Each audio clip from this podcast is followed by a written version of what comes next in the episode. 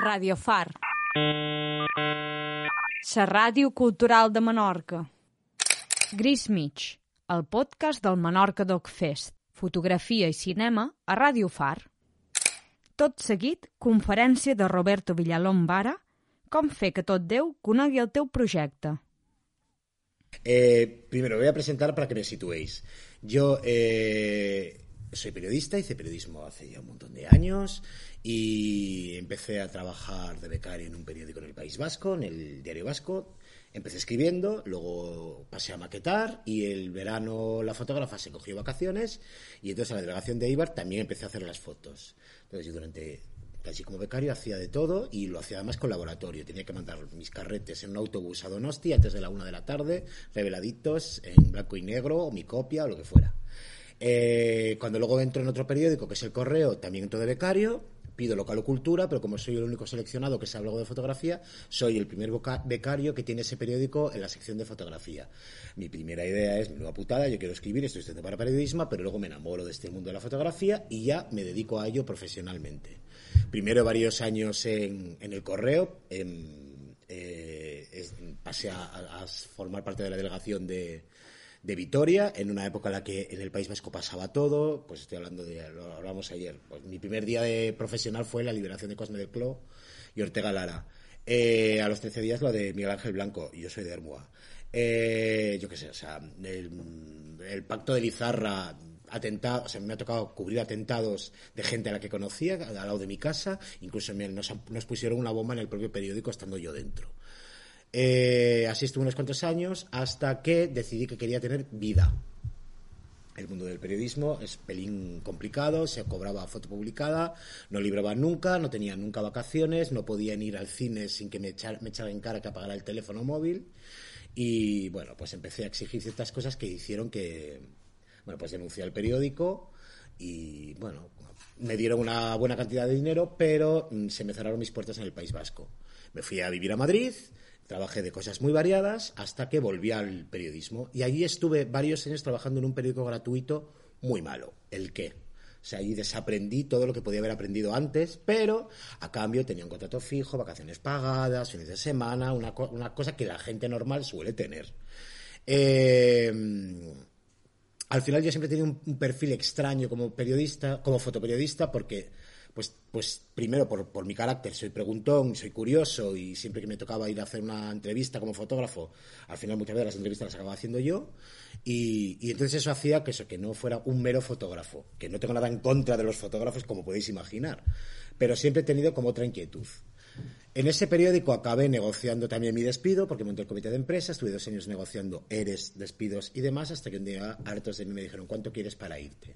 Tanto, vale, me lo dieron, me fui, estudié, dije, pues bueno, voy a estudiar fotografía por primera vez, porque estuve unos meses en Grisar en Barcelona mientras entre la beca y demás, pero apenas llegué a estudiar. Y estudié un año de fotografía documental, nuevo documentalismo, que era entonces el máster que tenía EFTI, con, con Momeña, y ahí la cagué. Ahí la cagué porque descubrí otro tipo de fotografía, descubrí, descubrí un montón de autores que no conocía y, y me interesé por, por una inquietud, unas inquietudes que yo tenía ya antes de cuando había sido profesional y me había encontrado con que la mayoría de mis compañeros no les interesaba más que las cámaras o se hacían portada, pero jamás iban a una exposición o jamás comentaban una película, o sea, un mundo muy endogámico, muy técnico y muy poco y muy poco interesado por la imagen. Cuando terminó ese máster, mi idea era volver al, al fotoperiodismo con un, un poquito más de nivel, pero el fotoperiodismo ya se ha convertido en una cosa que a mí me resulta muy complicada para, tratar de hacerme un hueco ahí. O sea, sigue estando muy mal pagado, sigue siendo muy precario, sigue siendo... Entonces intenté otras cosas, monté una empresa y demás, esas cosas no salieron y finalmente empecé a colaborar con una, una revista que se llamaba El Asombrario, una revista digital que era la parte cultural del mundo del mundo del diario.es. El diario.es cuando nace no tiene sección de cultura y éramos la parte asociada. Entonces se, genera un grupo de gente que colabora en ese proyecto de manera gratuita al principio. Eh, yo empiezo primero de fotógrafo, luego me dice, oye, si quieres escribir, tú ya que eres periodista, empiezo a tirar de gente a la que yo conozco y entonces pues empiezo a, pues, pues una amiga que es escritora, Melanie Zaguirre, un amigo, un familiar que es, que es eh, actor, Álvaro Morte, que entonces no pagaba el alquiler y ahora es el protagonista de La Casa de Papel. Eh, o sea, una serie de gente y entre ellos Gonzalo Golpe, creo que es la primera entrevista de fotografía que hago como ya para esa revista. Porque lo conocí mientras estudiaba el máster. Gonzalo Golpe, ¿sabéis quién es? Bueno, es, eh, es un- una persona muy vinculada al mundo del fotolibro. Ha estado detrás de muchos de muchos de los fotolibros más famosos de los de, pues, desde- que, que a lo mejor habéis visto publicado como La Casa de Campo de Subanova o Karma de Oscar Monzón o no sé, o sea, cuando el boom del, del fo- fotolibro nace hace, se da hace una cosa de 10, 11 años, él tenía una cosa que se llamaba Siete de un golpe y, entonces él ayudó a, a muchos a conceptualizar y a generar sus, sus fotolibros. Entonces, después de Gonzalo, pues empiezo, resulta que le dan a Oscar Monzón el premio en París Foto y le hago pues una entrevista y funciona. Y hay una serie de exposiciones en, muy rápidas en el Instituto Francés en Madrid y entonces ahí exponen Cristina de Midel, Ricardo Cases, eh, Fossi Begue, eh, no sé, una serie, una- esta nueva generación de la que luego más o menos hemos oído hablar, los estamos un poquito metiditos en el mundo de la fotografía, pero que entonces no los conocía nadie. Y esos temas funcionan. Lo siguiente que pasa es que como mis temas de fotografía se empiezan a leer, son bastante leídos mm, gracias a la ventana que tienen en el diario.es, me proponen hacer una exposición. Porque estos- esta gente tiene una pequeña galería en, en Chueca y comisario mi primera exposición. Tal esas, tal, con tal suerte que mm, me tratan a mí y a los artistas muy mal. Yo pinto la galería, o sea, hago de todo. De hecho, hago yo la not- las notas de prensa para esa exposición cuando ellos, los, los del dueño, venían del país. Eh, lo trato tan mal que es cuando digo, pues mira, yo no voy a estar remando en un barco en el que no me respetan para trabajar gratis para otros, trabajo gratis para mí. Y así es como en una cena con amigos, lo típico, ah, pues, ¿por qué no montas tú tu propia cos, tu, tu propia revista? Ah, ¿cómo voy a meter en eso? Venga, que sí, que sí. Hacemos votación y todos votan que sí, claro, porque lo tengo que hacer yo. Y así es como nace hace seis años y medio, casi siete, o sea, siete años por estas fechas es cuando se concibe Clavo Ardiendo.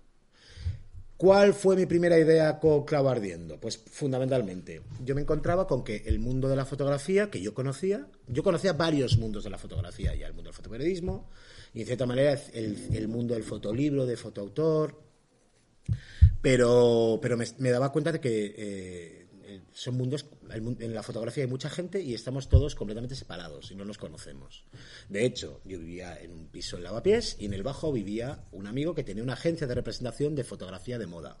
Con nombres como Gorka Postigo, que ahora lo está petando en Francia, o sea, eh, Richard, no sé cómo se llama, Richard García, una serie de nombres de fotógrafos de prensa, de moda, eh, reconocidos de los que yo no había oído hablar. Y él, a su vez, no sabía quién era Cristina de Midel o Ricardo Cases, por poner un ejemplo.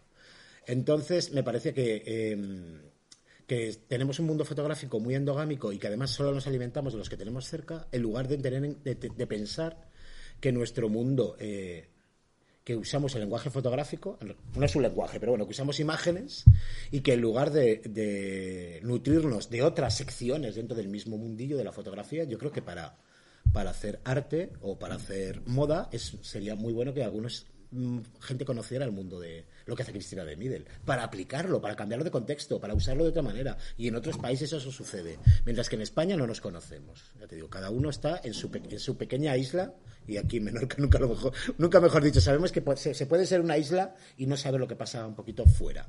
Y nace con ese espíritu. Eh, por supuesto, yo me quería ganar la vida con esto, cosa que no ha pasado quería que fuera un proyecto que acabara que acabara diendo dinero y cosa que no ha pasado, es decir, ya clavo ardiendo después de casi siete años no me cuesta dinero gracias a que hay un grupo de suscriptores, o sea, tú para leer clavo ardiendo es gratuito, pero hay gente que hace aportaciones trimestrales, 10, 15 o 20 euros. Y entonces con eso yo pago teléfono, gestoría y, mm, vamos, y, hosting. Entonces gano pues de, de jurado, de alguna cosita así, pero como podéis imaginar, con eso no, no se factura mucho. El proyecto nace al principio en el equipo. El equipo inicial éramos Rubén H. Bermúdez, que a lo mejor lo conocéis por un libro que se llama ¿Y tú porque eres negro? Ana Zaragoza, que tenía una cosa que se llamaba Caravan Book, que eran unos libros de, como de viajes, que ella pretendía que se vendieran en el mundo de los hoteles, pero nunca salió del mundo del fotolibro. Y yo los conocí en diferentes circunstancias y casi sin conocerlos, pero que me gustaron cómo trabajaban, pues les propuse montar la revista conmigo y la montamos. El problema es que Ana encontró trabajo en la fábrica, que son los que organizan Foto España, y empezó a trabajar en la librería de la fábrica al mes, y a Rubén le dieron la beca Fotopress, Con lo cual, enseguida me quedé solo en el día a día. Digo solo en el día a día porque la práctica luego yo tengo gente que colabora de forma mm, sin cobrar. Con clavo ardiendo suele ser gente que de vez en cuando tiene algún artículo que les interese, que por lo que sea quieren les interesa que, les, lo muestre alguien. Y entonces yo si tienen un afán didáctico, lo publico. Y, y entonces, como veis, aquí hay un montón de gente, pues Daniel Mayrit, Cristina de Midel, David Fonfrías, hay un montón de gente que ha colaborado en algún momento con Clavo Ardiendo, que ha publicado. O sea, que la lista Gabriela Cendoya escribió al principio de Fotolibros, conoceréis. Gloria Yarzábal, no sé si la conocéis, también es fotógrafa. O sea, tengo, ya os digo, un, plantel de en firmas bastante variado y eh, lo que yo pretendía que Clavo Ardiendo tuviera los temas que no trataban otro tipo de revistas. Eh, la mayoría de las revistas de fotografía han estado centradas históricamente en cuestiones técnicas qué cámara es mejor, qué objetivo es mejor, cómo tienes que... Eh, había algunas, yo recuerdo cuando yo empezaba, había algunas en las que tú mandabas la foto y te hacían un análisis técnico de tu composición, de si has conseguido los colores adecuados, cosas así. Todo era siempre muy técnico. Y nunca reflexión sobre la propia fotografía. Y entonces lo que yo hago, intento al menos, hacer eh, una revista en la que la autoría, los fotógrafos y las fotógrafas sean los, sean los protagonistas. Lo que tienen que decir como fotógrafos es decir, que entonces por eso hablo de exposiciones, por eso hablo de libros, por eso hay artículos que hablan de mm, que cuestionan cosas sobre el mundo de la fotografía, pues yo que sé, el último es, a cuenta, hace dos meses, eh, Gasparini, un fotógrafo muy reconocido, se metió con el mundo del fotolibro y dijo que era una moda pasajera. Y entonces ha habido una persona que ha reflexionado sobre si el fotolibro una moda pasajera, por ejemplo por supuesto, aquí la entrevista Carmen Dalmau, Carmen Dalmau es una de las mejores colaboradoras, fue mía, fue profesora mía en EFTI de historia de la, ella es historiadora del arte y entonces nos hizo una relación entre el mundo del retrato y la fotografía actual y ahora hemos editado un ensayo con ella en el que lo que nos viene, os hago un pequeño resumen, no es para venderlo que no he traído libros, en el que nos cuenta cómo nos han contado siempre que la fotografía se desvinculaba del resto de las, de las artes, porque cambiaba el lenguaje, porque mm, eh, la, pintura había estado ligada a la realidad y entonces al llegar la fotografía es la fotografía la que coge ese testigo, es la que tiene que contarnos el mundo, la que tiene que ser documento, y ya la pintura puede ser abstracta, puede llegar al impresionismo y eso es falso, según Carmen. Lo que dice es que siempre ha habido una mirada una mirada tradicional que, que viene sobre todo desde, el Renacimiento, la fotografía técnicamente permite continuar con esa mirada. Y si a la, a la fotografía no, la, no le obligamos a ser documento, a ser verdad, a, ser testimonio, todas esas cosas que normalmente eh, le pedimos y por lo que luego se montan todos estos debates de WordPress mm, fotos, si ha habido un retoque, si no ha habido un qué, si esto está manipulado, si deja de estarlo. Pues es que desde el momento que solo es mirada, es subjetiva y la mirada es una construcción por parte del que hace la fotografía y por parte del que lee la fotografía, pues al final no hay debate con eso. Es decir, nunca es fiel a la, realidad. Es igual de fiel que puede serlo un cuadro, por ejemplo. O sea, esos son temas que podéis encontrar en Clavo Ardiendo, que probablemente no vais a encontrar en ninguna otra revista mm, sobre fotografía. Entonces, la parte de arriba es lo que yo llamo temas que no caducan. O sea, pues pueden ser entrevistas, pueden ser crónicas, o sea, pues Arles, pues esto es una crónica de Arles cuando estuve este, este verano. Evidentemente, Arles ha pasado, pero intento hacer reflexiones sobre lo que he visto en Arles. No te voy a contar solo, pues vi una foto de Pepito, sino, en este caso, mm, me cuestiono, por ejemplo, algunas de las expresiones más importantes de Arles, si es necesario mostrar ciertas cosas en el mundo de la fotografía actualmente o no lo leéis y lo veréis. o sea, eh, y eso, hay cosas que no se lo escribo yo, evidentemente. Y abajo las noticias como arranca el Festival de Cine y Fotografía Documental Menorca Doc Fest. O sea, hay una parte también como más ligada a la actualidad. Luego hay una parte de consejos. Pues, ¿qué haces si te roban una foto? ¿Qué, ¿Cómo preparar tus fotos para imprimirlas? Eh, cosas así. Cómo prepararte un, una presentación, un, visionado. Cómo prepararte una presentación hay cosas relacionadas con la, con, la, historia de la fotografía, cosas relacionadas con el mundo del arte, porque creo que no solo nos tenemos que contaminar entre fotógrafos y fotógrafas, sino que además tenemos, tenemos que tener claro que la fotografía es eh, una forma de contar el mundo, pero para eso hay que conocer el mundo y para eso hay que preocuparse cómo lo cuentan los demás y cómo lo cuenta el mundo del cine y cómo lo cuenta el mundo de la pintura o cómo, o sea, tenemos que estar mucho más interrelacionados de lo que lo hemos hecho hasta ahora. eh, eh, es sorprendente hasta qué punto el mundo de la fotografía no conoce de otras artes. También es verdad porque se ha dado cierto desprecio por parte de las otras artes hacia la fotografía. Entonces, eh, uno de los consejos que yo doy es todo lo que tienes que, saber para hacer una nota de prensa y triunfar en medios, que creo que es para lo que habéis venido, ¿no? Más o menos. A ver, por un lado, la manera en la que podéis comunicaros como fotógrafos son muchas, muchísimas. Es decir, hay que. Nos, preocupamos muchísimo sobre qué tema elegir, cómo, cómo, qué fotos hacer, cómo ilustrarlo, cuál hacer la edición, si voy a sacar un fotolibro, si voy a hacer una, una exposición, bla, bla, bla. a eso dedicamos mucho, mucho tiempo y, y además como fotógrafos y fotógrafos nos toca hacer muchas tareas que en realidad no son las propias de un fotógrafo. Pero casi nunca nos acordamos de que una vez que lo has hecho todo, no la puedes cagar al final. Lo tienes que comunicar. Tienes, desde el momento que tú expones un trabajo, estás haciendo un trabajo de comunicación. Dicho, yo, por ejemplo, los visionados, lo digo mucha gente. Tú, desde el momento que me enseñas tus fotos, ya no es un trabajo solo para ti. Que tú has tenido un trauma, que tu abuela mm, no te quería, entonces has hecho un trabajo sobre eso y tal, y, has pillado archivo personal, y entonces lo has agrupado, y luego lo has escaneado, y luego lo, he enterrado, y luego lo he vuelto a escanear. Pues perfecto, muy bien. Pero desde el momento que lo enseñas, es un trabajo de comunicación. Y es más, si ya has hecho esa parte de exponerlo, por favor, que se entere la gente. ¿Cómo podemos hacer que la gente conozca que hemos hecho nuestros trabajos? Bueno, en el primero, en un lado, por un lado, en el mundo de la fotografía tenemos lo que son los visionados, que no es, no sé hasta qué punto estáis familiarizados con eso. ¿Quién conoce que es un visionado? Iré, por supuesto, sí. Tres, vale. Bueno, pues eh, los fotógrafos tenemos una rara costumbre que no se suele dar en, otro, en otras disciplinas, que es montar aquelarres para enseñar nuestros trabajos a otra gente y entonces eh, nos dice que les gusta o no les gusta. Y es una cosa que hacemos muy a menudo. Y es algo que no pasa en otros sitios. Y además, en algunos sitios es hasta negocio. O sea, hay festivales muy importantes. Léase Foto España, monta unos visionados que no son precisamente baratos, en los que tienes 20 minutos para enseñar tu trabajo a gente a la que pagan muy poco. Lo digo porque yo he sido visionador de Foto España. Y entonces todo es como muy rápido, muy ganado y muy, muy loco. Eh, si no os queda más remedio, podéis hacer el visionado de Foto España, pero hay visionados con muchísima más calidad. Por ejemplo, Scan de Tarragona. Ahí, ¿cómo funcionan los visionados? Pues tú te apuntas, te seleccionan y como has sido seleccionado, te dejan una mesa para ti y tienes tú la capacidad de disponer de tu trabajo y no hay tiempo. Se produce un intercambio muchísimo más enriquecedor entre el que quiere ver tu trabajo y tú que lo quieres enseñar.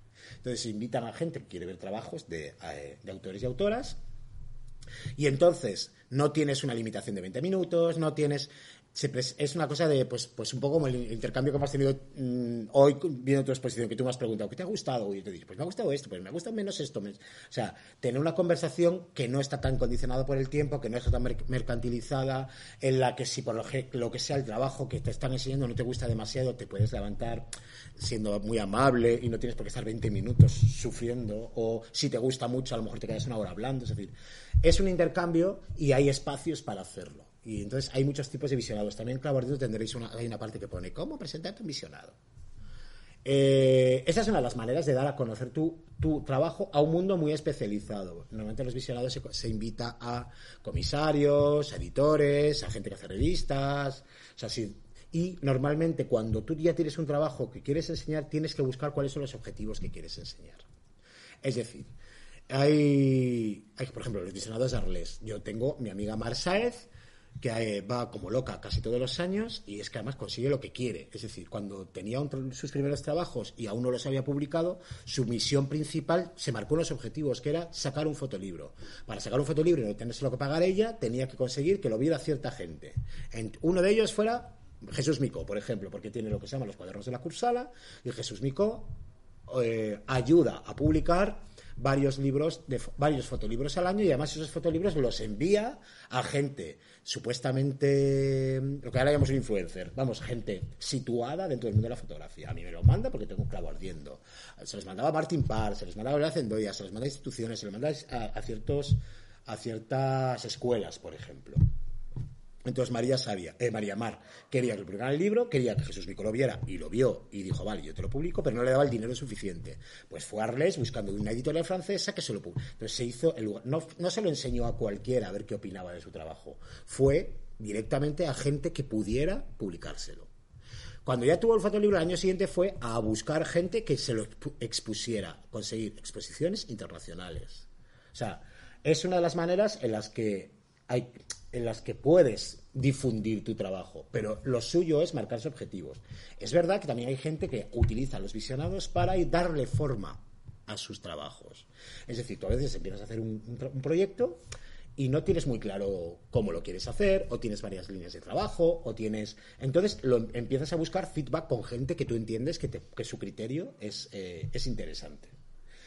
En estos casos yo siempre digo lo mismo, son solo opiniones. ¿Entiendes? Es decir, que te puedes encontrar con que vas a un visionado y una persona te dice A y la otra persona te dice Z. Y puede ser completamente... O sea, tienes que tener en cuenta que la gente tiene viene de unos, tiene una manera de ver las cosas y, tú tienes que quedarte con aquello que a ti te resulta interesante. Si todo el mundo te dice A, es probable que tengan razón. Quiero decir, que si todo el mundo dice, mira, a lo mejor tus foticos, yo qué sé, no sé, ¿sabes? Mm, yo le daré una vuelta, pues hombre, a lo mejor, a lo mejor le tienes que dar una vuelta. Pero no necesariamente pueden, tienen que tener razón. Si tú estás convencido de que es Z, a. Yo te puedo decir, te vas a dar contra esa pared, te vas a hacer daño y tú sabes que atravesando esa pared vas a llegar donde quieres, pues a lo mejor tienes que hacer atravesar esa pared.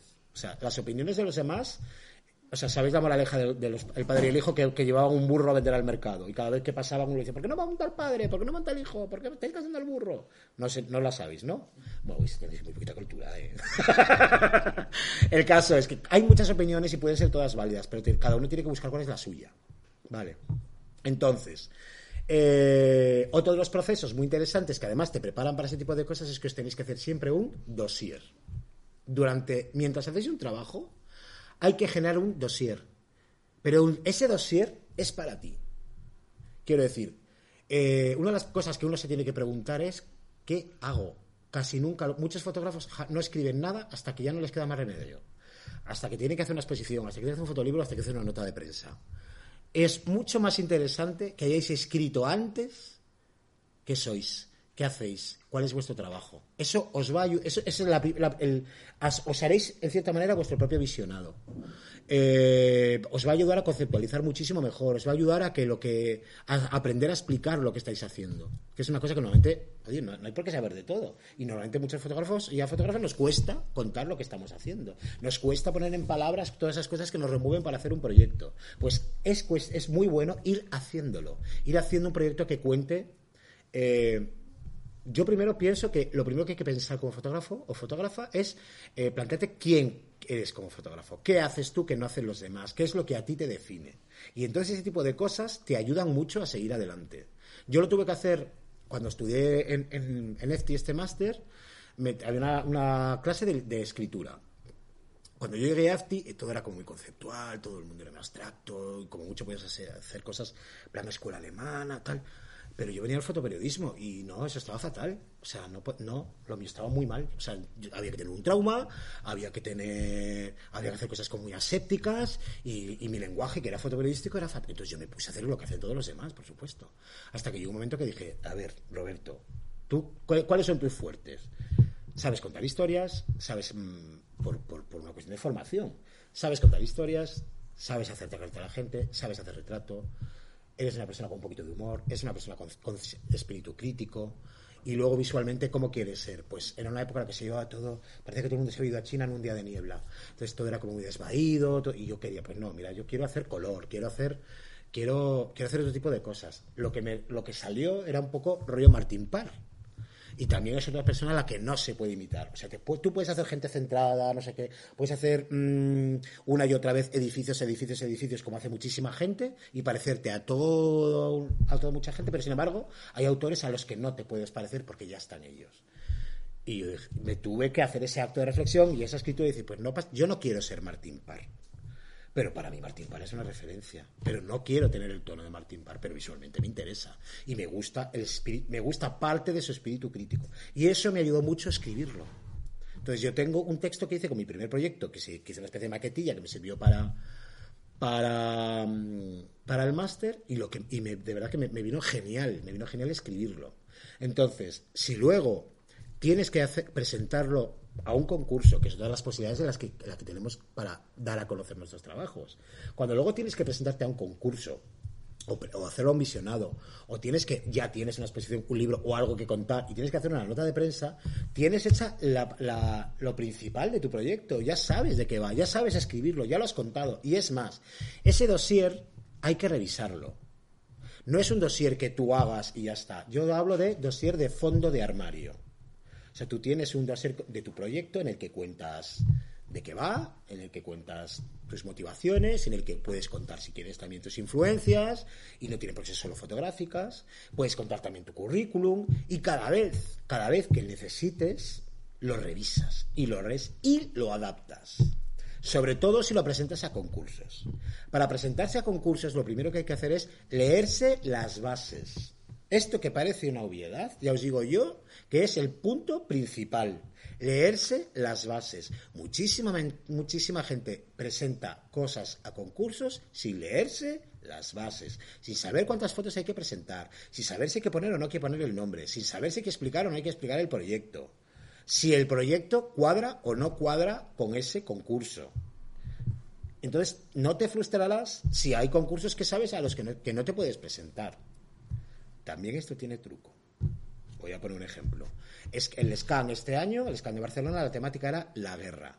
Yo le he dicho a mucha gente, preséntate, preséntate, que te pueden dar, puedes ir al Fucota, pues no, es que yo no tengo nada de guerra. Digo, vamos a ver, no hace falta que hayáis ido al frente. Hay muchas maneras de entender la guerra. De hecho, hay un trabajo seleccionado que es el de Manuela Morente, Manuela Morente creo que se llama, y es y lo que hace ella es una fotonovela donde ya te digo yo que no hay guerra por ningún lado. Estoy seguro que ha conseguido darle una vuelta al texto para cuadrarlo con algún tipo de conflicto y entonces para que no no haya 15 trabajos en el scan que sean muy muy muy muy muy de guerra pues han colado por así decirlo el de Manuel porque no solo depende ganar o no un concurso estar en una selección o no no solo depende de ti dependes de un jurado que depende de los cafés que se haya tomado puede tomar las decisiones otras o también de lo que se presenten los demás entonces, a lo mejor les ha cuadrado el trabajo de Manuela mejor que otros, porque los otros a lo mejor eran muy repetitivos. Entonces, uno, leeros las bases. Dos, cumplid con las bases. Tres, las cosas también tienen dobles sentidos.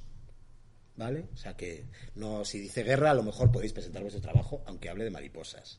Pero podéis hablar del conflicto mm, eh, medioambiental con las mariposas. Me lo estoy inventando. ¿Vale? Y sobre todo a lo que yo creo que es para lo que habéis venido aquí a que yo os cuente mi milonga, es cómo llegar a los medios de comunicación. ¿Vale? Que es la estrategia. Antes de eso, otras estrategias. Redes, que es una cosa que también utilizamos mucho. Nuestro problema con las redes es las redes no son nuestras. Las redes son de una gente que nos cambia el algoritmo, hace lo que les da la puta gana. Eh, antes Instagram una foto de- era una, web de fotos y es una, eh, una web de vídeos.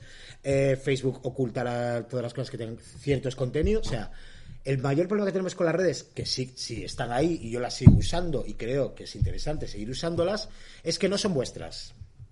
No son vuestras, os las pueden cambiar en cualquier momento, os pueden eliminar vuestro trabajo, pueden borraros vuestro perfil porque de repente habéis sumido un ombligo. O sea, pueden pasar cosas muy raras. Entonces, usadlas, pero son solo un apoyo. No son vuestras. Es como si tú montas una tienda en la calle o, la montas en un local.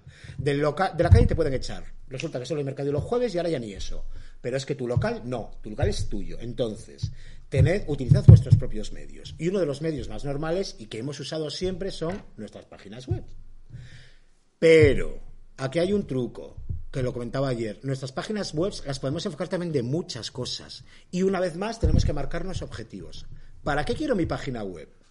La quiero para que vean qué guay soy, qué buenas fotos tengo mis compañeros fotógrafos y fotógrafas. O la quiero porque estoy buscando clientes. O la quiero porque para que me vean galeristas. O la quiero para que la vea mi madre. Quiero decir, las páginas web, todos los fotógrafos y fotógrafas las venimos a hacer igual. Ha habido modas. Pero ha habido modas, antes teníamos como cuando se pudo tener ya fotos medianamente normales había como mosaicos muy grandes. Luego ya empezaron las páginas web así como muy como muy mm, minimalistas, con un mosaico que nos estorbara, un, un guion, o sea, un menú a la izquierda que nos que nos estorbara nuestras fotos, que se movieran más o menos. Ahora ya incluso hay cosas como que te encuentras como una, pues un poco como una let- unas letras o una foto y no sabes ni siquiera dónde hay que pinchar. Eh, hay modas. Eh, y a veces quedan, las fotos quedan muy bonitas, pero es que a veces entras y no sabes ni cómo se, o sea, no acabas de enterarte muy bien, ni cómo se llama el fotógrafo o fotógrafa en cuestión, ni qué hace, ni cuáles son los proyectos, ni si solo hace fotos personales, sino además resulta que muchos de nosotros al final nos tenemos que ganar la vida y muchas veces no es con nuestras fotos más artísticas.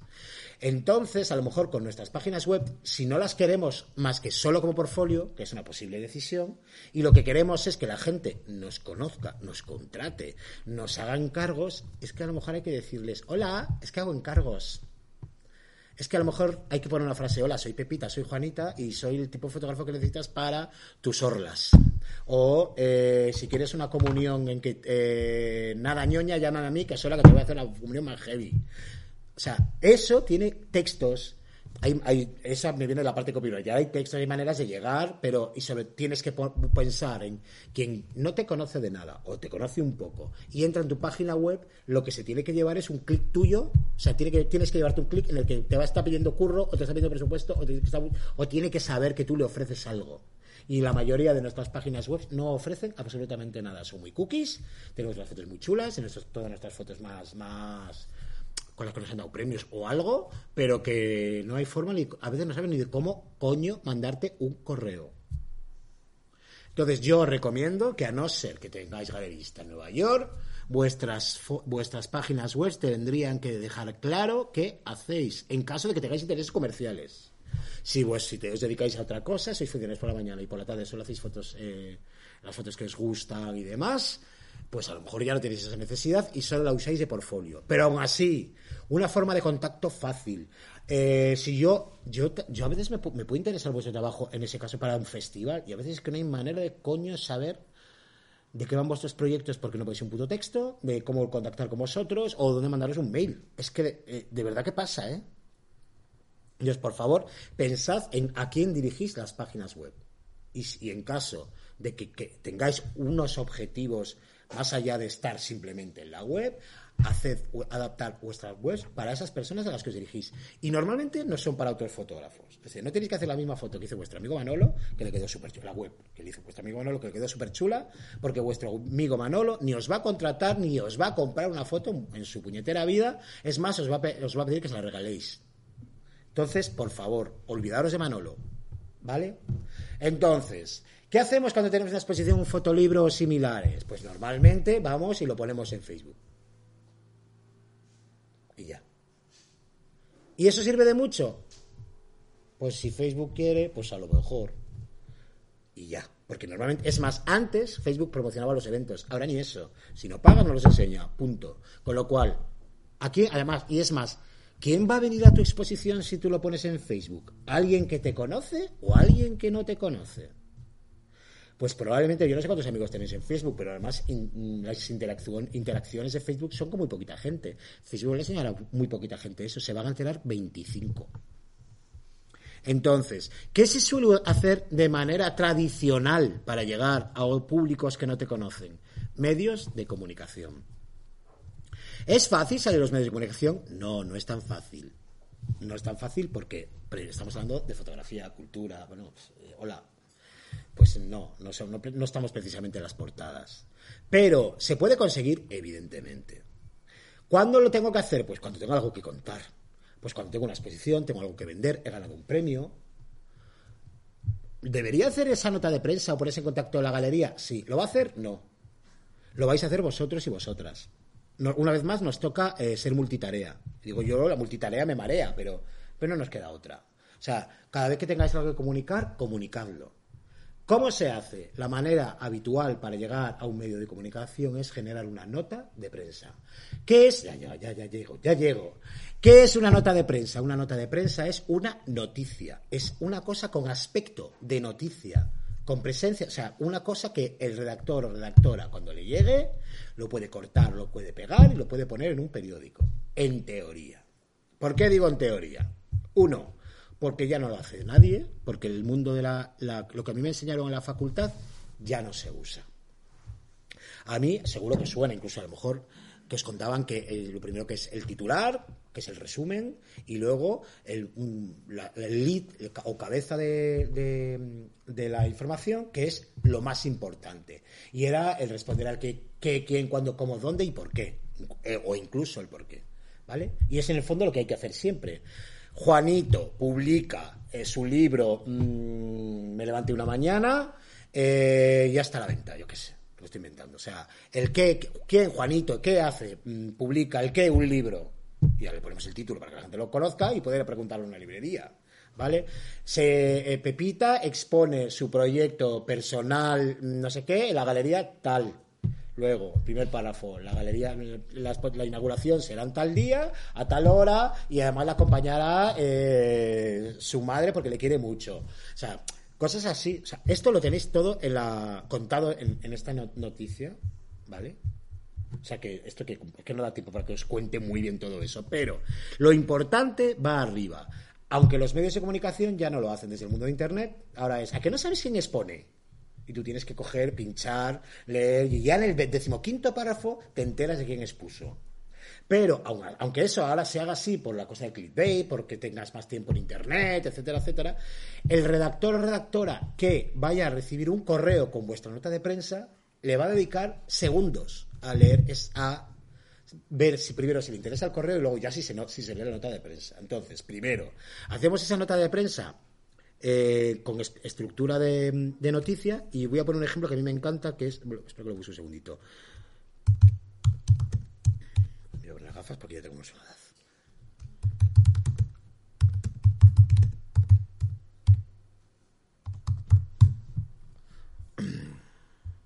Vale. Esto es una noticia buenísima. El Mundo Today. Fallece la mosca cojonera. Subtítulo. Su pérdida se suma a la mosquita muerta. Eh, ¿Por qué el mundo today? Luego, pero la célebre mosca cojonera, cuya frenética actividad había logrado acabar con precio de millones de personas en todo el mundo, ha muerto esta misma mañana al ingerir un excremento en mal estado. Lo importante arriba. ¿Por qué el mundo today utiliza una estructura que ya no utiliza la prensa? Porque es una parodia. Las parodias vienen a resumir muy bien en qué consiste un género. Las parodias del mundo de Scary Movie, no sé qué tal, acaban de. hablan de la, siempre la tonta que muere en, la- en las películas de terror en el primer. O sea, son, exageran los rasgos de, de, de aquello que quieren parodiar. Y entonces, el Mundo Today es de las pocas eh, de las pocas webs de noticias, en este caso sabéis que son noticias inventadas, que tienen estructura de noticia clásica. Entonces, si un día dudáis de cómo hay que hacer las cosas, iros al Mundo Today. Esto es lo que a mí me enseñó la facultad, que ya os digo que ya no funciona. Entonces, tenéis que poner, comunicar aquello que os interesa y lo tenéis que poner arriba. Pues eso, si ponéis un libro, si hacéis una exposición, si vais a inaugurar un festival, eh, se inaugura el Festival Menorca Dog Fest con. eh, creo que este año ponéis la, la- ponéis la edición más internacional o algo así, ponéis en la nota de prensa, una cosa así. O sea, tienes que buscar aquello que te diferencia de otros años. Si tienes una persona estrella que, te sirva para el cartel, pues imagínate que tiene mañana, pues eso, Martín Parr. Mm, invita a una charla a Martín Parr, porque es cabeza de cartel. Y luego ya cuentas que el festival empieza tal día, termina tal día, y que se va a celebrar en tales localidades. Y luego ya si quieres incluyes un programa. Entonces, a vosotros os recomiendo eso, que pongáis lo principal arriba, lo que más interesa. ¿Y qué se hace cuando tienes más de una idea? Pues cuando se, tienes más de una idea, lo que pones es un titular y luego haces una especie como de sumarios. Voy a. Yo tenía un PDF preparado que no he podido descargar, no porque lo hice mal, pero voy a- os voy a busca- buscar la nota de prensa que hice yo para Carmen Dalmau cuando sacamos el ensayo. Carmen Dalmau, retrato, ta, ta, ta, espera. Espera, va a estar aquí. No, dice la esclava ardiendo. Nota de prensa. Bueno, mira, pues por ejemplo, de la primera edición, esto es lo que yo mandé a los medios. ¿Salió en otros medios? No, padre, salió clavo ardiendo. ¿Me sirvió la nota de prensa? Sí. Porque una de las cosas que pasa a veces es que no tienen un efecto inmediato. Pero, por ejemplo, después ha venido La Aventura del Saber, que es un programa de la 2, y le ha hecho una entrevista que saldrá, creo que en enero. Y luego Carmen Dalmau tiene este fin de esta semana dos entrevistas en Radio Nacional. Cuando yo saqué la primera nota de prensa, la gente se quedó con el run run, pero no salió más que en clavo. Es verdad, sí, salió en Fotolar y le hicieron un, salió un podcast, o sea, pero vamos. Pues Ediciones Cabarete publica Elogio de la Mirada, un ensayo de Carmen Dalmau que reivindica un nuevo lugar para la fotografía en la historia del arte. Destaco. Pongo Ediciones Clavo Ardiendo en este caso porque a quien yo se lo mando es probable que me conozca más a mí que a la propia Carmen. Entonces pongo ediciones Clavardino, publica un ensayo de Carmen Dalmau y luego, ¿por qué es importante este ensayo? Pues porque indica un lugar para la fotografía y la historia del arte. Y luego, ya pongo lo más importante, arriba. Este primer ensayo es de la, historia de, la historiadora, historiadora, del arte, Carmen Dalmau, se posiciona contra la fotografía como entendida habitualmente, como documento, como, como verdad o como objeto. Y el libro se presentará tal día. Es una otra idea que a mí me interesaba es, uno, el libro ya ha sido publicado, dos, se presenta en un sitio. Y luego ya la noticia tal cual, el ojo de la mirada, que se encuentra a la venta, que es una cosa que yo quiero que se sepa, es el primer ensayo de la historia de Carmen Dalmau, bla, bla, bla, bla, bla, bla, bla, bla hablo de la presentación, hago una apoyo con una sinopsis, por si alguien quiere saber, oye, no me he enterado muy bien de qué va tu libro, espera. Incluso lo apoyo con una biografía, porque a veces no conoces muy bien al autor o la autora que te está mandando la información, pero luego te ves su currículum y dices, oye, pues fíjate, has puesto en el MoMA, pues a lo mejor hay que hacer un poquito de caso. Pero si os fijáis, es una biografía redactada. No valen los currículums. Es muy habitual que la gente te ponga 1973, nací, 1982, estudié, no sé, fui mi primer trabajo, expuse. No, eso no vale como nota de prensa. ¿Y cómo harías para que eh, además, ¿Cómo llegar luego? Además, hagan una entrevista a Vale, primero, uno, una vez que ya tienes la nota de prensa, que es el elemento fundamental, la siguiente manera es cómo llegar. Es decir, hay que mandarlo. ¿Qué se recomienda en estos casos? Uno, tener una lista de correos de los sitios a los que te interesa. ¿Cómo se consigue esa lista? Uno, mirando los medios uno a uno. Pues el mundo, tal, cual, vas y consultas. Luego, suele haber una cosa que se llama Guía General de Medios. Las comunidades autónomas lo suelen publicar. no sé la Baleares donde lo tiene, pero vamos, el, el, gobierno de Madrid tiene una. Y luego hay otra Guía General de Medios nacional. Normalmente la Guía de Medios nacional no suele incluir medios de cultura. Entonces, en vuestro caso, os tenéis que dirigir a las secciones de cultura. Intentad afinar lo más posible, afinar lo más posible a quién se lo mandáis. Si sabéis que hay un redactor, o sea, por ejemplo, ¿cuáles son los objetivos cuando expones? Si lo haces en un sitio como este, uno, me interesa que salga en la prensa local, vale. Ahí más o menos lo podréis controlar. Conocéis probablemente incluso por actos anteriores quién es Pepita o Juanita que suelen escribir sobre los temas culturales. Y si no, a veces se coge el teléfono y se llama, hola, quiero mandar una nota de prensa a la sección de cultura. ¿A quién se la debería mandar? Y te dan ese correo. Es muy importante conseguir, si podéis, los correos específicos.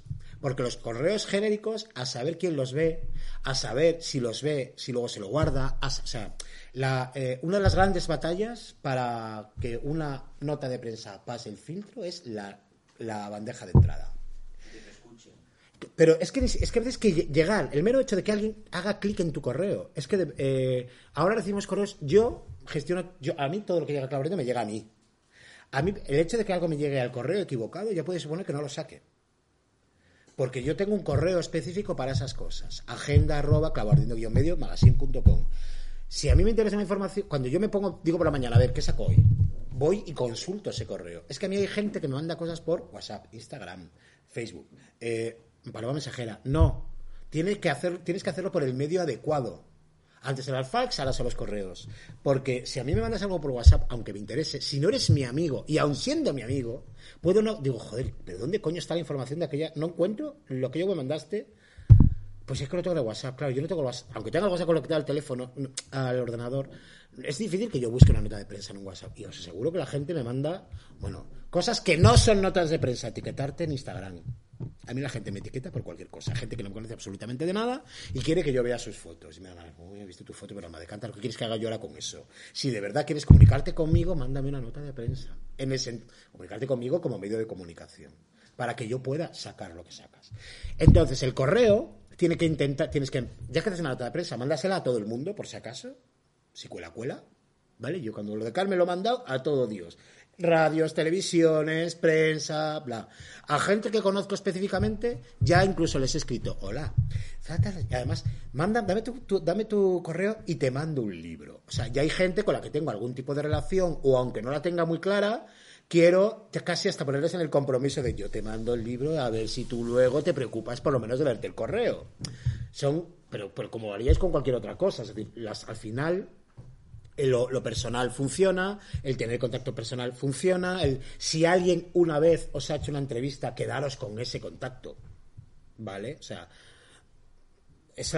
cuando vuelvas a hacer algo, es la primera persona que tienes que escribir. ¿Te acuerdas que me entrevistaste una vez porque hice no sé qué? Pues ahora he hecho no sé cuánto. Oye, pues si te interesa, aquí está todo, la información. ¿Vale?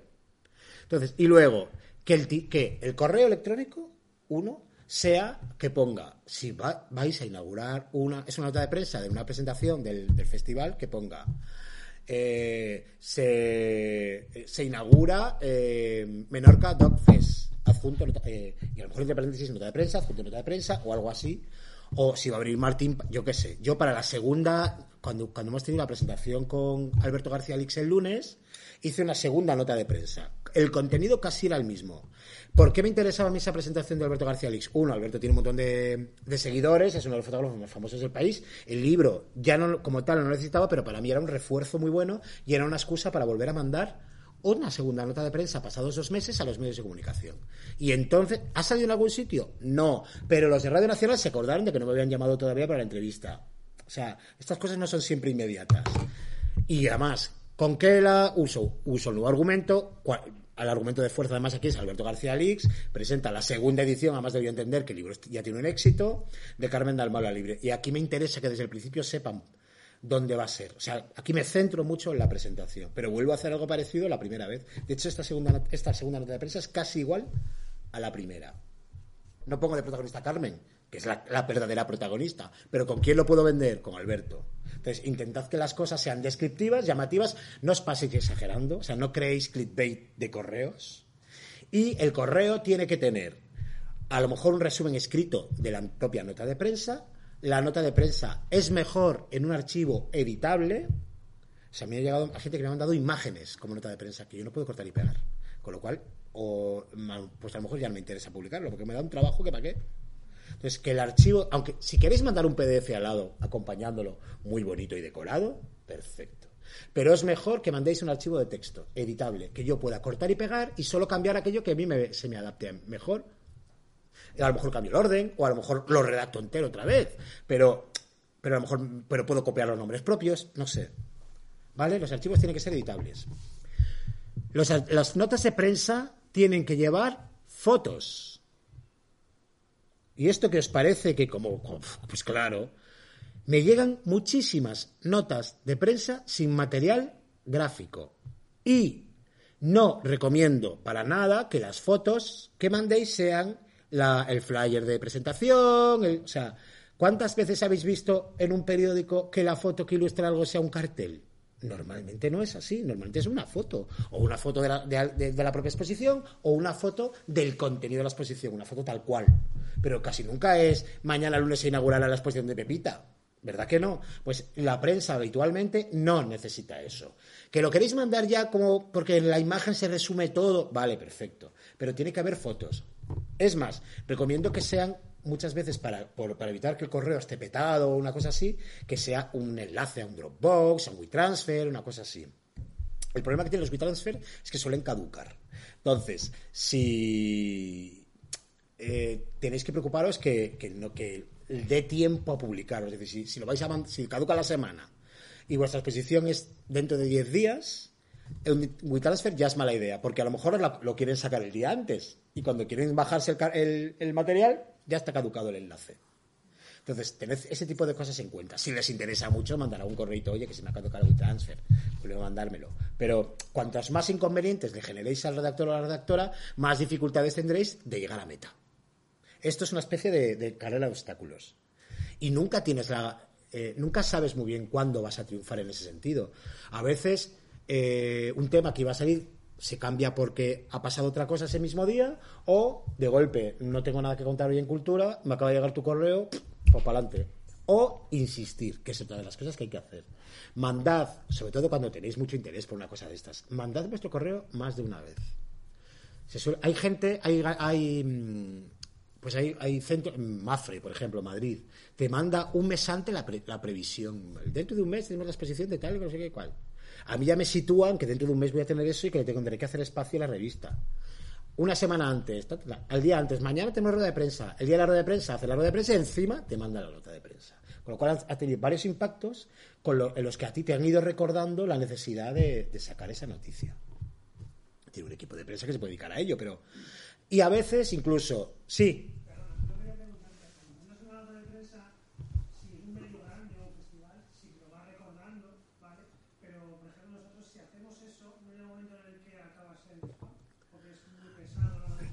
No, no, no, no. A ver, normalmente, lo- normalmente los correos se borran, no se marcan en spam. A no ser que hagan evidente spam. A mí me llegan cosas muy raras. No, no, normalmente borras y ya está. Y a veces, y es que luego es muy habitual que lo que pasa es que se te ha pasado. O sea, un trabajo que está interesado, lo has visto, pero lo, has dedica- le pones la lo, lo típico, para luego. Y, y el para luego es para nunca. Y te vuelve a llegar y, ay, joder, es verdad.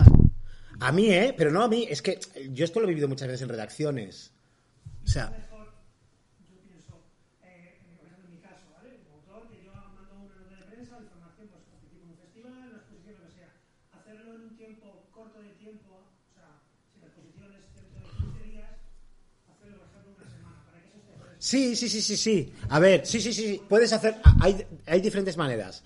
Una es eh, unos días antes, luego cuando ya toca, por así decirlo, y luego si la exposición está un mes, recordar que la exposición continúa o que le quedan unos días. Exacto.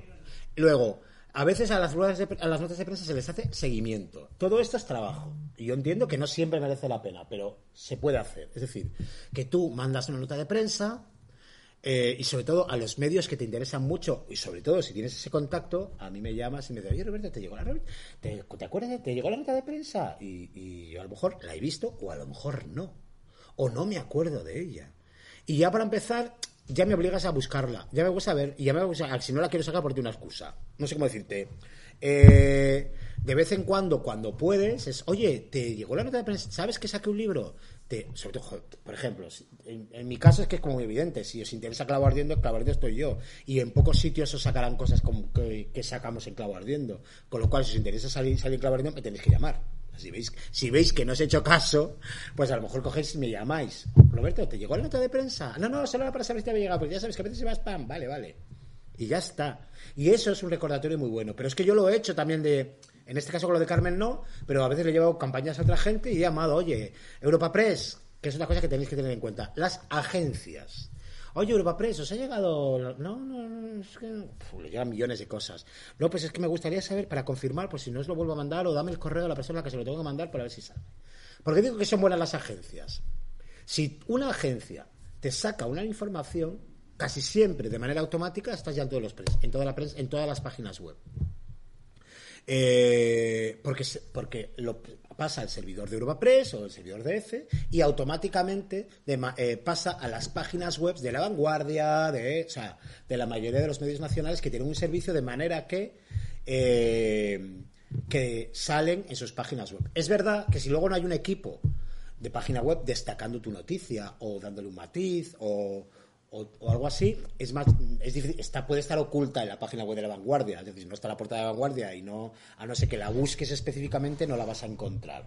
Pero ya estás ahí. Y sobre todo, cuando por lo que sea, que es otro factor por los que nos interesa salir en medios, no solo para la gente que venga a nuestras exposiciones, sino para decirle a la gente que nos puede pagar la próxima, fíjate qué éxito tuve, eh, hacer un clipping de prensa. Es decir, si tú has salido, aunque sea de manera casual en la vanguardia, tú te haces un bonito pantallazo y lo pones en un bonito dossier y la próxima vez que vayas a hacer una exposición y tengas que buscar tu patrocinio, tenés que ha salido en la página web de Radio Televisión. En que sale- ¿Me explico? Podéis hacer un, una, un, pues lo que se llama un clipping. O sea, en vuestro dossier de vuestra próxima exposición he salido en Clavo Ardiendo, he salido en El País, he salido no sé qué y me ha hecho una entrevista en Radio Nacional. Y eso, lo siento mucho, funcionamos por validaciones. No es que tu exposición sea mejor o sea peor, pero tendréis más posibilidades de que os hagan caso para conseguir un patrocinio o una sala o lo que toque si antes otros han dicho que eres bueno. Y pasa con todos. Y si ganas un premio, probablemente te llamen en un festival, en otro festival donde no te, te habían hecho caso el año anterior. ¿Tu trabajo es igual de bueno? Sí, pero funcionamos así. Entonces, sí, si conseguís llegar a un medio y encima salir, no lo dejéis ahí tenéis que coger y, eh, y guardaros ese artículo, compartirlo en redes para que los demás también se encarguen de difundir lo que a vosotros han hecho, porque los, nos encanta presumir que los amigos han salido en la tele o que han salido en el periódico. O sea, ese tipo de cosas funcionan muy bien. Y además, a mí, que he hecho el esfuerzo de sacaros el clavo ardiendo, me interesa también que, me- lo difundáis. Yo también os estaré muy agradecido si, me, si cogéis no es broma, es decir, que al que ha hecho el trabajo también le interesa que se difunda. Entonces, Y es más probable que si de golpe algo que he escrito tuyo ha funcionado, pues a lo mejor la próxima vez que tenga que escribir alguien de entre ti o tú y tu, tu artículo ha funcionado, pues a lo mejor pues saco el tuyo y no el tuyo, porque el tuyo ha funcionado. ¿Me entendéis? Más cosas. Tener un hackeador de mails, ¿Un qué? por Ah, bueno, yo uso, claro. A ver, yo uso, por ejemplo, MailChimp para, para hacer para el boletín de clavo ardiendo. El problema que tienen a veces ese tipo de cosas, yo, por ejemplo, para las notas de prensa no lo uso. ¿Por qué? Porque va- sí que es verdad que muchos eh, servidores identifican las listas de correos como spam directamente. Entonces eso es peligroso. Entonces yo, si puedo, mando en copia oculta, ¿vale? O sea, no, eh, no mandéis a 60 personas un correo y pongáis las 60 personas en vista. Eso aparte es ilegal. Pero bueno, nadie, nadie te va a denunciar por eso. Pero ponedlo en copia oculta y se lo mandáis a 60 personas. ¿Eh? A más alguien se puede mosquear porque estás difundiendo correos. Pero, y sobre todo, una vez más, si sabéis, si podéis personalizarlo, en este, en estes, en estos casos, personalizar los correos tiene sus, sus, sus riesgos. Cuando te llega un correo diciendo, hola Juanita, mm, aquí estoy otra vez para ofrecerte Carrefour, pero tú, ¿cómo coño Carrefour sabe mi nombre? O sea, hay momentos en los que es malo personalizar, pero hay otros en los que es bueno. Yo cuando saco lo de Carmen, escribo Javier Díaz Guardiola del ABC, que es el que es el coordinador de, de, la sección de cultura, y entonces, eh, Javier, que mira, eh, ¿cuánto tiempo? ¿Cómo te va? No sé qué, hace mucho que no te veo. Oye, que por favor, dale un poquito de vida a este artículo. Sí, sí, te lo sacaré, no lo he sacado, pero bueno, ya se lo recordaré. O sea, cuando tienes esa capacidad, la tenéis que aprovechar. ¿Cómo se obtiene? Pues con el tiempo también. Voy a poner un ejemplo de una persona que hace todo, en teoría, en teoría, todo lo que no hay que hacer. Juan Enriquena. ¿Conocéis a Juan Enriquena? Bueno, Juan Enriquena es un, es un chico así como en plan uh, con poco hierbas, un poco hippie, así de apariencia, que parece un poquito distraído, ya te digo, de, de distraído de tonto no tiene un pelo, y se ha recorrido desde, mucho, desde hace muchos años haciendo talleres, ha recorrido el país. Entonces él tiene una lista de contactos personales del mundo de la fotografía de media España. Luego lo hace, él no tiene redes sociales. Él no, ni siquiera tiene Facebook, no tiene Instagram, tiene una página web que ni siquiera se llama Juan Enriquena, que se llama El Granero, que es un sitio donde él se ha ido a vivir a un pueblito, o sea, tampoco vive en la ciudad, vive en un pueblito de Aragón, eh, y hace cositas así como muy alternativas, y ah, muy bien. Juan Enriquena saca un, crowdfunding. Necesita 26.000 euros para una roulotte, una caravana que va a adaptar con la Tenía los 26.000 euros en menos de 48 horas cuando en principio no tenía nada para difundir. En principio. El crowdfunding se lo está dando Paco Gómez, que es una persona especialista en eso y es capaz de difundir los crowdfundings en, en Internet. Y luego un montón de gente que hemos conocido a lo largo de los años a Juan Enriquenan, le hicimos la publicidad nosotros, los demás. Porque nos cae bien, porque es un tío guay, porque nos gusta sus libros, porque no sé. Entonces, él lo tiene muy montado, y pero él lo hizo todo como es él. Con con yo es la única persona a la que le he publicado una nota de prensa como no hay que hacer jamás una nota de prensa en verso. Me mandó una nota de prensa en verso. No, ¿Se mandan notas de prensa? No, no lo hagáis. ¿Juan Requenan lo puede hacer? Sí. ¿Por qué Juan Requenan? Porque es coherente con su personaje. Yo, el PDF este que no, sé, que no os he puesto, porque es un taller muy largo que di en una ocasión, que lo habréis visto antes, una de las cosas que digo es que, em, eh, que hay que entender que hay emiso- el- esto es un acto de comunicación. Hay un emisor, un receptor, un mensaje unos canales y unos códigos. Eso lo habréis estudiado en bachiller, me imagino. Entonces, todo tiene que ser coherente. El emisor sois vosotros. Por eso os decía, os tenéis que conocer, escribir quiénes sois. Tiene que ser coherente. Lo que hagáis tiene que ser como fotógrafos y en la vida coherente con lo que hacéis.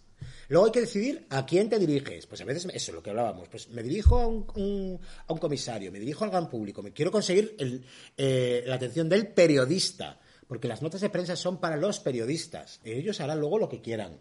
Pero no os estáis dirigiendo con de prensa al gran público. Tenéis que convencer al primer filtro, que es el periodista. O sea, pues un emisor, un receptor, un, un mensaje, tengo una exposición, no tengo una exposición, o tengo un trauma, y quiero hacer un fotolibro, tengo esas cosas que hacemos. Y entonces a partir de ahí eliges, eliges el código y eliges eh, el vehículo, vamos. ¿Cómo lo mandas? Entonces es lo que estamos hablando de si lo hago a través de una página web, si lo hago a través de las redes sociales, si lo hago a través de una nota de prensa, si se lo cuento a mi madre. Esas cosas son las que tenemos que decidir cada vez que hacemos un acto de comunicación. Y evidentemente para llegar a la prensa el acto de comunicación básico es la nota de prensa y hay que hacer una cosa coherente. No os paséis autobombo. No pongáis la mejor fotógrafa de Menorquina mañana. ¿vale? Pues que no. Y, por favor, por favor, por favor, por favor, por favor, por favor, no hagáis textos que no entiendan ni su puta madre. Lo digo completamente de verdad. Esa es una moda que se puse, puso hace unos años y eh, afortunadamente está empezando a desaparecer.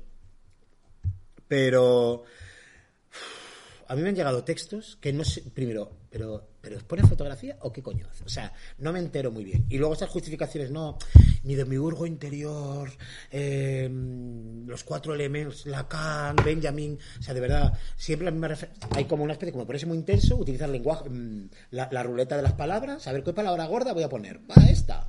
No la entiendo muy bien, pero la voy a poner. Es cuatro elementos, cuatro elementos. Pero estos son los cuatro elementos de verdad. Cuidad, cuidad que se pueden hacer cosas sin recitar los cuatro elementos. Y hay más autores que Susan Sontag, hay más autores que Lacan, hay más autores que Benjamin. Y, o sea, justificar siempre con la misma gente los mismos los proyectos, sean cuales sean, también es un poquito aburrido.